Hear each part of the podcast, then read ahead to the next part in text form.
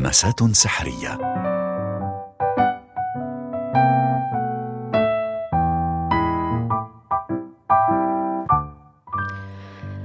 وجهتنا الأولى صخرة الروشة في بيروت بجانبها جادة تحمل اسم الجنرال الفرنسي شارل دوغول وهناك توجد جالوري جنين ربيز التي تعرض حاليا أعمال واحد من أهم التشكيليين في لبنان الفنان جميل ملاعب. هيا بنا إذا نلقي المرساة في بيروت.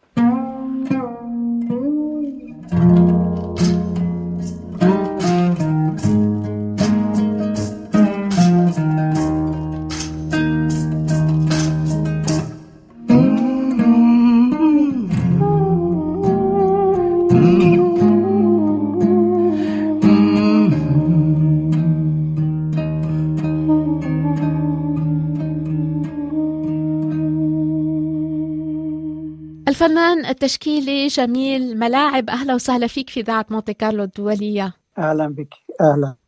مسرورة جدا باستضافتك في برنامج مراسي للحديث عنك بصفة عامة وعن المعرض الأخير لك الذي يحمل عنوان جميلات. والذي يعرض في جاليري جنين رباز في بيروت. جميل ملاعب. طبعا جميلات معرض مميز لك. أود أن نبدأ بالحديث عنه.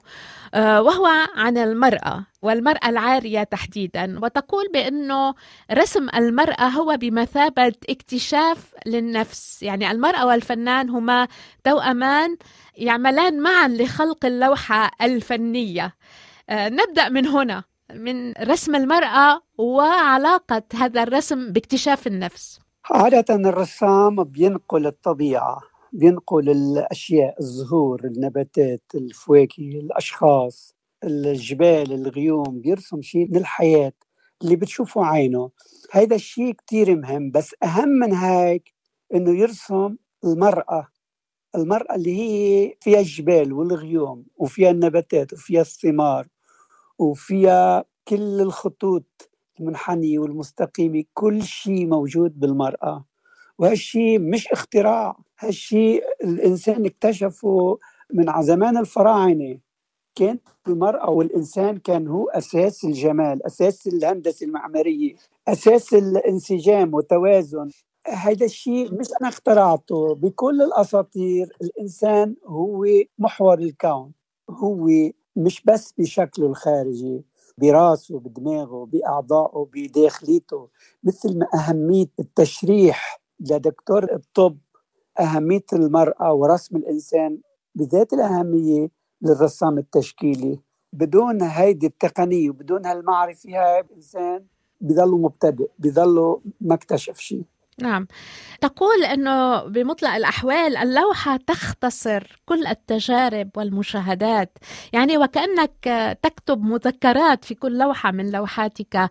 تكتب تجربة إنسانية تجربة شخصية مشاهدة معينة انطباع معين. وما هو جميل في هذا المعرض معرض جميلات أنك تعود إلى مفهوم الموديل. كما كان في مدارس الرسم مدارس الفنون الجميلة في السابق. عندما تأتي امرأة وتقف ويرسمها الطلاب تعود إلى هذه الحقبة مع نوع من الحنين إلى ماهية المرأة العارية. ليس فقط من ناحية إيروتيكية ولكن من ناحية إنسانية من ناحية جمالية. يعني اللي عم بتقولي كأني أنا عم قوله. يعني أنا طالب معهد الفنون وعلمت بالجامعة اللبنانية والجامعة الأمريكية 40 سنة. دائما نفتقد للمرأة اللي بنرسمها وهي عادية. بدون هيدا الموديل بيكون الإنسان عم يرسم شغلات كتير كتير محدودة وسطحية.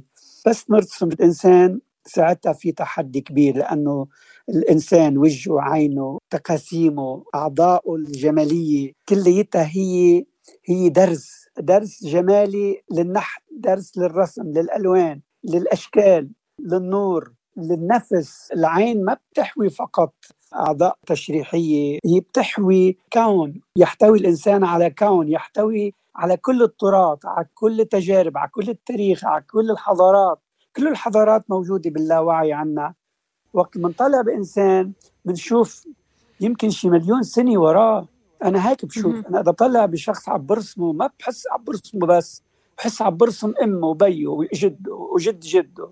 بعدين بوصل لرؤية ما بيقدر يشوفها الإنسان العادي اللي بينقل من خياله. الخيال لا يأتي بنتيجة بالفن. الفن تأمل مباشر للموضوع ولكل شيء. ما في أنا أغمض عيني وأرسم إيدي إلا ما أطلع فيها. ما بقدر برسم وجهي إلا ما طلع فيه. يعني ما لازم نكابر إنه نحن نتخيل ونحلم. كلهم هودي ما بيأتوا بنتيجة ما بيعملوا لوحة.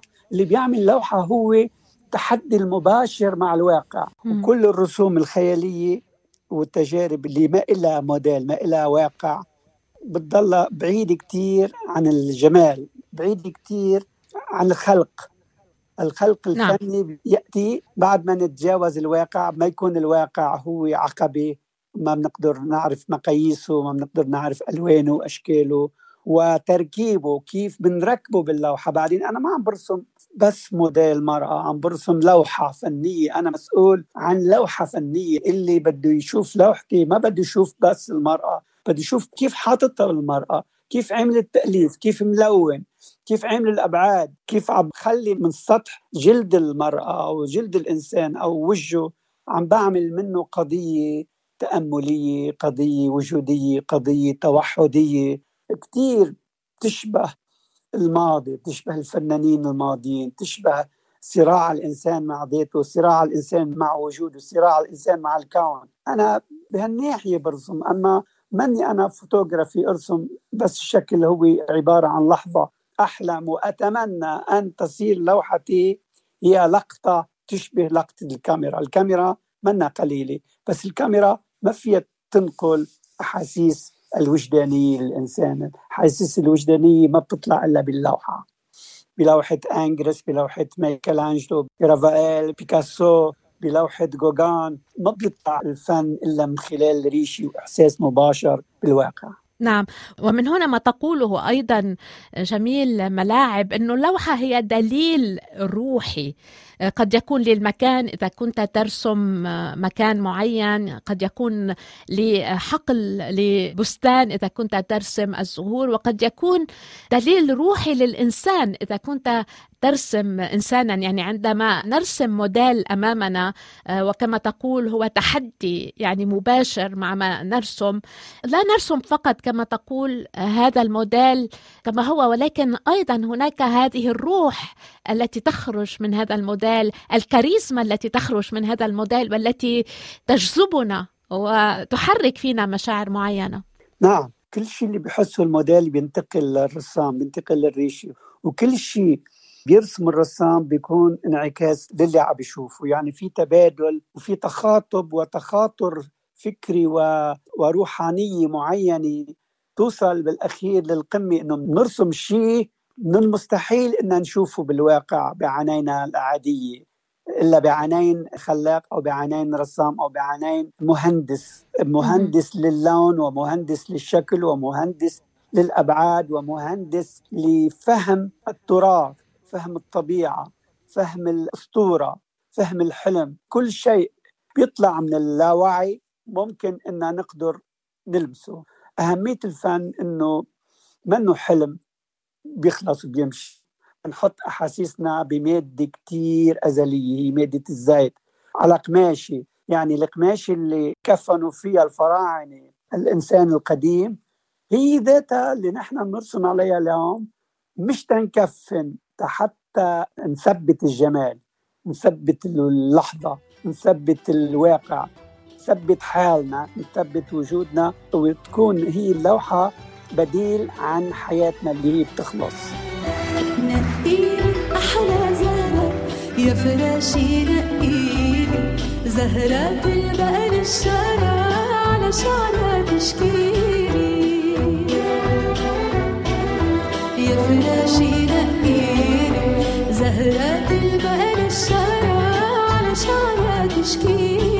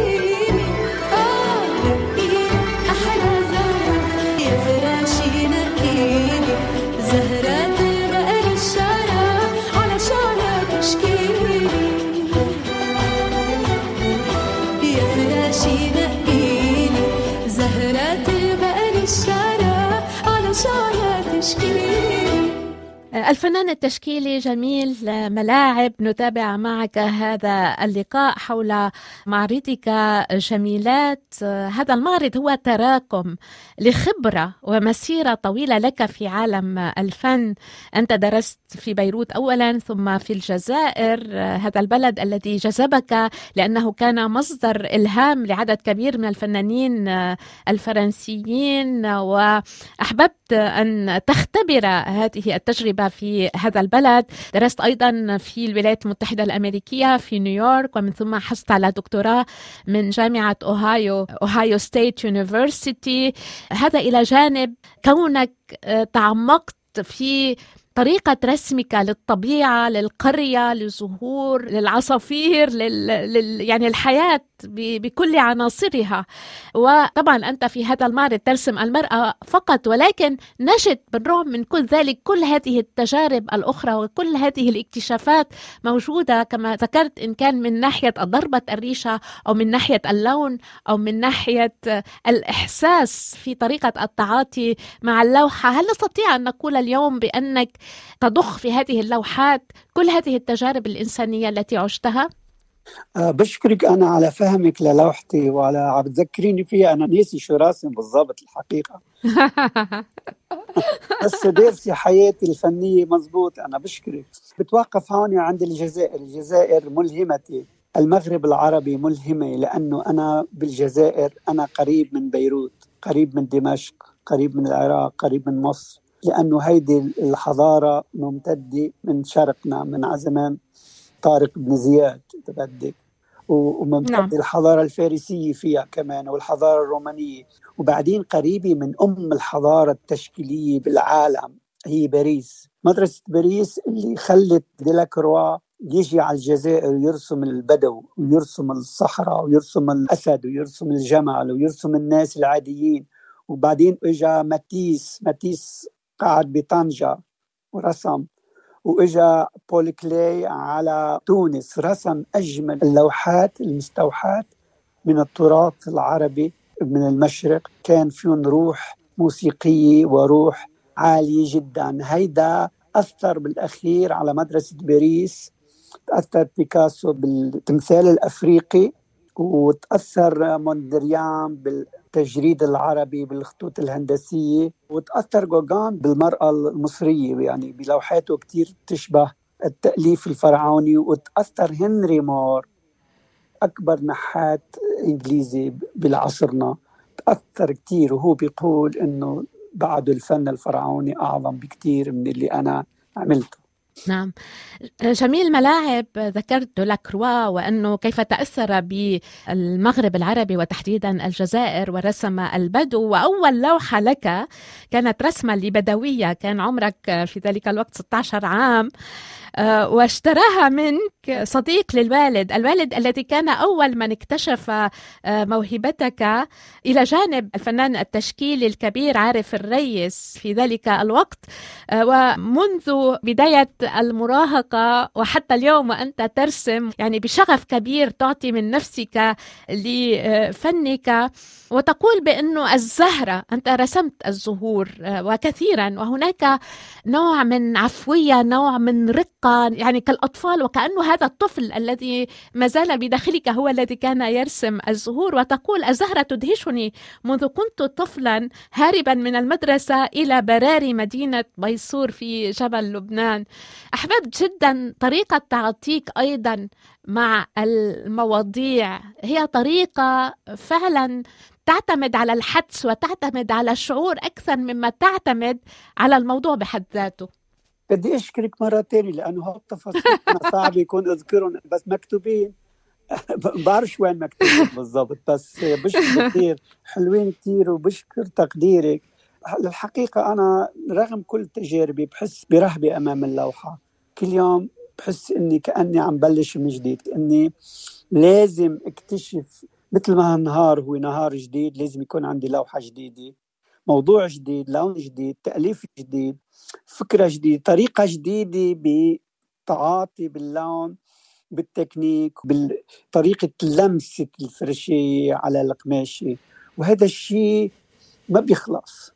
مثل اللغة مثل الموسيقى مثل الزمن مثل الأيام مثل الساعات ما في شيء بيشبه شيء. دائما في لحظة تختلف عن الأخرى. هيدا كثير بيهمني الموقف الوجودي بين الإنسان والكون بين الإنسان والمادة بين الإنسان والتاريخ الوعي واللاوعي بين المعرفة والحلم اللي متعلمه واللي جايبينه معنا من الماضي بخلايانا بلون عيوننا المختلف. ما بنعرف منين اجى بس كل التراث الإنساني مختزنينه جوا. والمشكلة إنه بنضيع الوقت نحن نحس إنه ضجرانين شو بدنا نعمل؟ الإنسان كتير كتير غني بده زمان وبده وقت يكتشف حاله. بده كتير تيعرف بده كتير لحتى يخلص بده كتير لحتى يتعلم. اللوحة هي قدري اللي من خلاله ومرايتي من اللي من خلالها أنا موجود. نعم. وفي كل لوحة من لوحاتك جميل ملاعب هناك تجربة.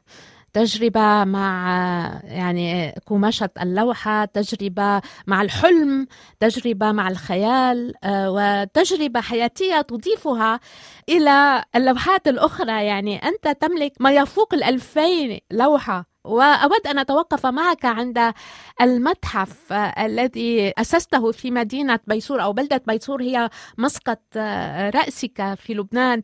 أهتم كثيرا بهذه المبادرات الجميلة مثل مبادرة هذا المتحف الذي من خلاله تحافظ أيضا على إرث وعلى هذا التراث هذه الكلمة التي ذكرتها والمهمة جدا تراث أرشيفي لأنه في كل لوحة هناك تجسيد لواقع معين يدخل تاريخ يدخل آه، في تاريخ لبنان عموما وفي حقبة معينة. أتمنى عليك وأنت اللبنانية أن تزوري المتحف لأنه حكي عن اللوحة شيء واللوحة شيء ثاني وأنا بشكرك أنك عم تشيري إلى أهمية متحفي. متحفي هو مش أنا بس هو أنا والفوتورات اللبناني وتراث المنطقة كله سوا. عندي لوحات لعراقيين ولا سوريين وعندي لوحات لأهم فنانين لبنان ابتداء من خليل الصليبي للحقبة اللي بتجي بعد منه آه، عمر الأنسي قيصر جميل مصطفى فروخ وعندي حبيب سرور وعندي عمر الأنسي عندي عارف الريس وحليم جرداق وأمين الباشا وشفيق عبود وعندي رفيق شرف وحسن جوني. كل الأساتذة اللي علموني عندي أعمال لهم بالإضافة لبعض الفنانين الجداد. هذا هذا بفتخر فيه وهذا كله عملته بصورة شخصية يعني بجهد شخصي وبأموالي الخاصة بأعمالي الفنية. ومستعد إنه دائما أشتري الأعمال اللي هي مهمة كثير أخيرا اشتريت عمل لهلن الخال بفتخر فيه كثير كثير حلو وعندي صليبة دويهي عن جديد وعندي لوحتين للشاعر الكبير أدونيس اللي ببعث له سلامي لباريس صديقي الكبير. وهون أنا بشكر كمان تشجيع الشاعر الكبير طلال حيدر اللي إهداني قصيدة أخيرا. وهو أنا كثير فخور بالمبدعين بالشعراء بالفنانين بشعراء لبنان سعيد عاقل أنس الحاز وكل شعراء العرب يعني عم بتذكريني قديش أنا كنت مهتم على زمان دار الأدب. بشعر خليل حاوي ونزار قباني ومحمد المغوط. يعني ما في ما أذكرهم. بتمنى إنه بالمتحف يكون لي قصاصة ورقة من كل شاعر منهم. نعم. جميل ملاعب غزارة إنتاجك الفني وثراء إنتاجك الفني قادم أيضا من حبك للسفر من تجاربك العديدة في بلدان عديدة من احتكاكك بكل هؤلاء المثقفين والفنانين. وهذه المبادرة وإن كانت شخصية إنما تدل على مدى أهمية هذه المبادرات الشخصية التي تسمح لبلد مثل لبنان أن يتقدم بهمة أشخاص مثلك وبهمة فنانين ومثقفين مثل العديد من المبادرات آه، في لبنان. جميل ملاعب. إذا أذكر بأنك فنان تشكيلي كبير من لبنان. رافقتنا في برنامج مراسي اليوم للحديث عن معرضك الأخير في جاليري جنين ربيز. يحمل عنوان جميلات وجميل جدا ما تقوم به وأشكرك على المشاركة معنا. شكرا كثير وبتمنى زيارتك على بيصور. أكيد أول ما بنزل على لبنان. يا هلا. بزورك وبزور المتحف. شكرا لك. يا هلا بك يا هلا. مراسي ننهي هذا اللقاء مع الفنان التشكيلي جميل ملاعب بأغنية للفنان الجزائري إدير كالتفاتة إلى الجزائر هذا البلد الذي ألهم جميل ملاعب في فنه وإبداعه. الأغنية باللغة القبائلية وترافق إدير في الأداء المغنية اسكتلندية كارين ماتيسون. ميشا خليل.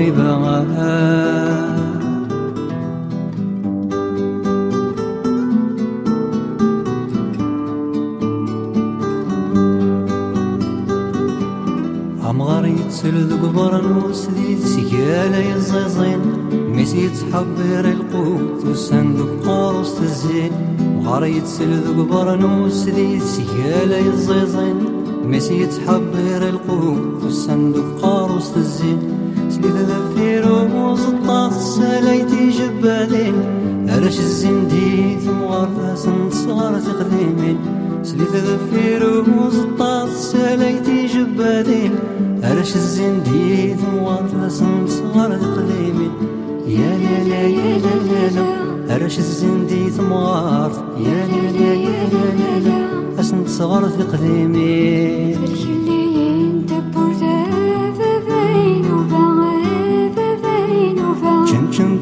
بقاتيني ما يلي غريبة وكل الوحش الغابة غابة بين وغابة بين وقد غولتنا كيني ما يلي غريبة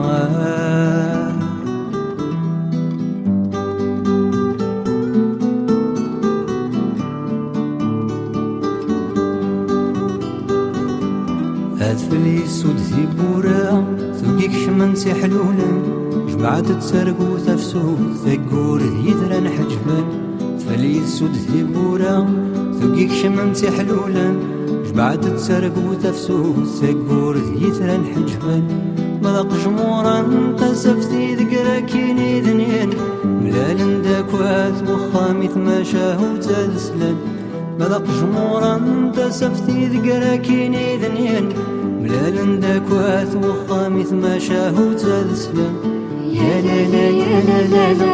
ملال داكوات وخام يا لا لا يا لا لا لا. تماشاه وتسلن